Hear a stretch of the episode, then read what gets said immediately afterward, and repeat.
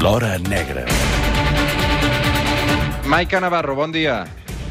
Bon dia, Roger Escapa. Com estàs? Bé, i tu? Molt bé. Qui t'ha regalat una rosa aquesta setmana? Ningú? Vaja. Quina, història més, quina història més trista, no? I a tu t'han regalat moltes coses aquesta setmana. A mi algun llibre, sí, sí. Molt bé. Quin llibre et van regalar? Ah, mira, el de la Txell, eh, el de la Txell i, i algun altre que ja t'explicaré un altre dia, si de cas. Eh? Val. Viatjo amb ella a Beirut cada cop que l'escolto, eh? És fantàstica. Una- Com tots els corresponsals d'aquesta casa, sí. eh? però sí, sí.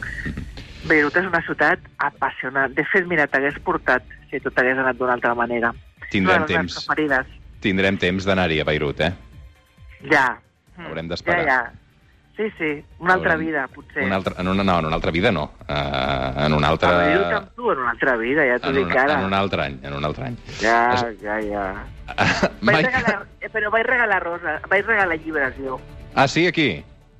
A l'Olivia, un Bé. llibre de contes de gats voladors, el Carles Fernández, de viatges, el Carles Aparici, de viatges, a l'Angi Vila, l'últim llibre del Mar Pastor, i als meus veïns de Replà, dos nens petits, dos llibres de, de nens.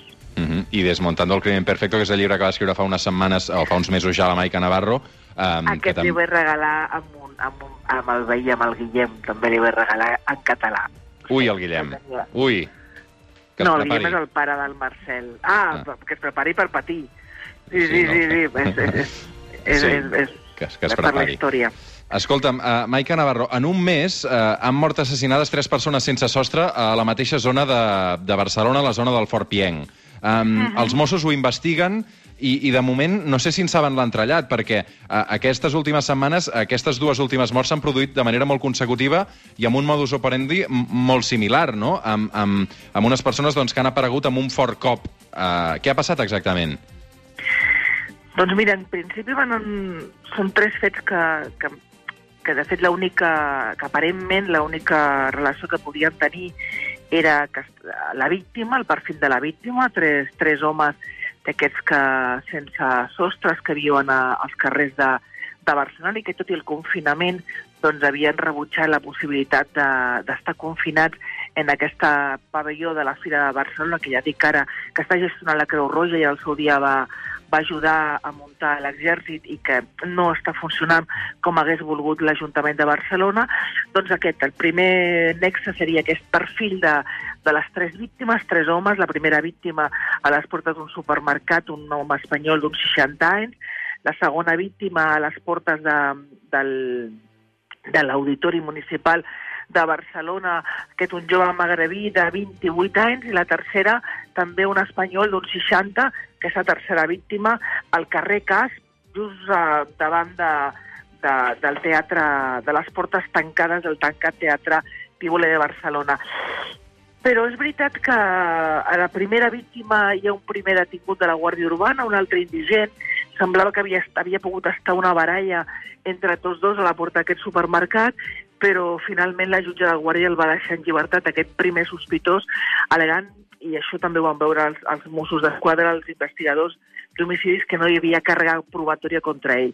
Per tant, van començar de nou, i sí que van veure que els altres, els dos últims víctimes sí que tenien molts altres nexes en comú.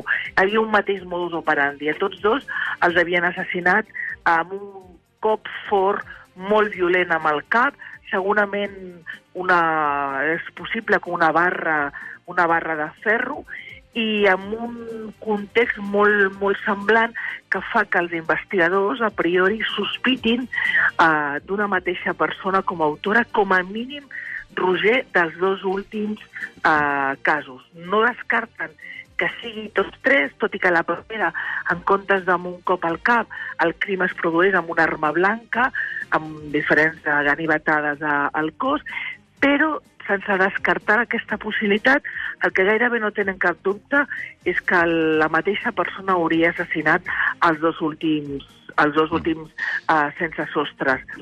És evident, que, és evident que les persones més vulnerables eh, aquests dies veuen encara la seva situació més agreujada eh, i, per exemple, eh, Fundació Rels, que fa una feina impecable en aquest sentit, doncs eh, han hagut de tancar alguns centres. Eh, paral·lelament a tot això, Uh, Arrels crec que ha posat en marxa un dispositiu de 70 voluntaris per visitar alguns dels sense sostre que viuen als carrers de Barcelona, perquè aquests dies doncs, encara ho passen més malament que normalment, no?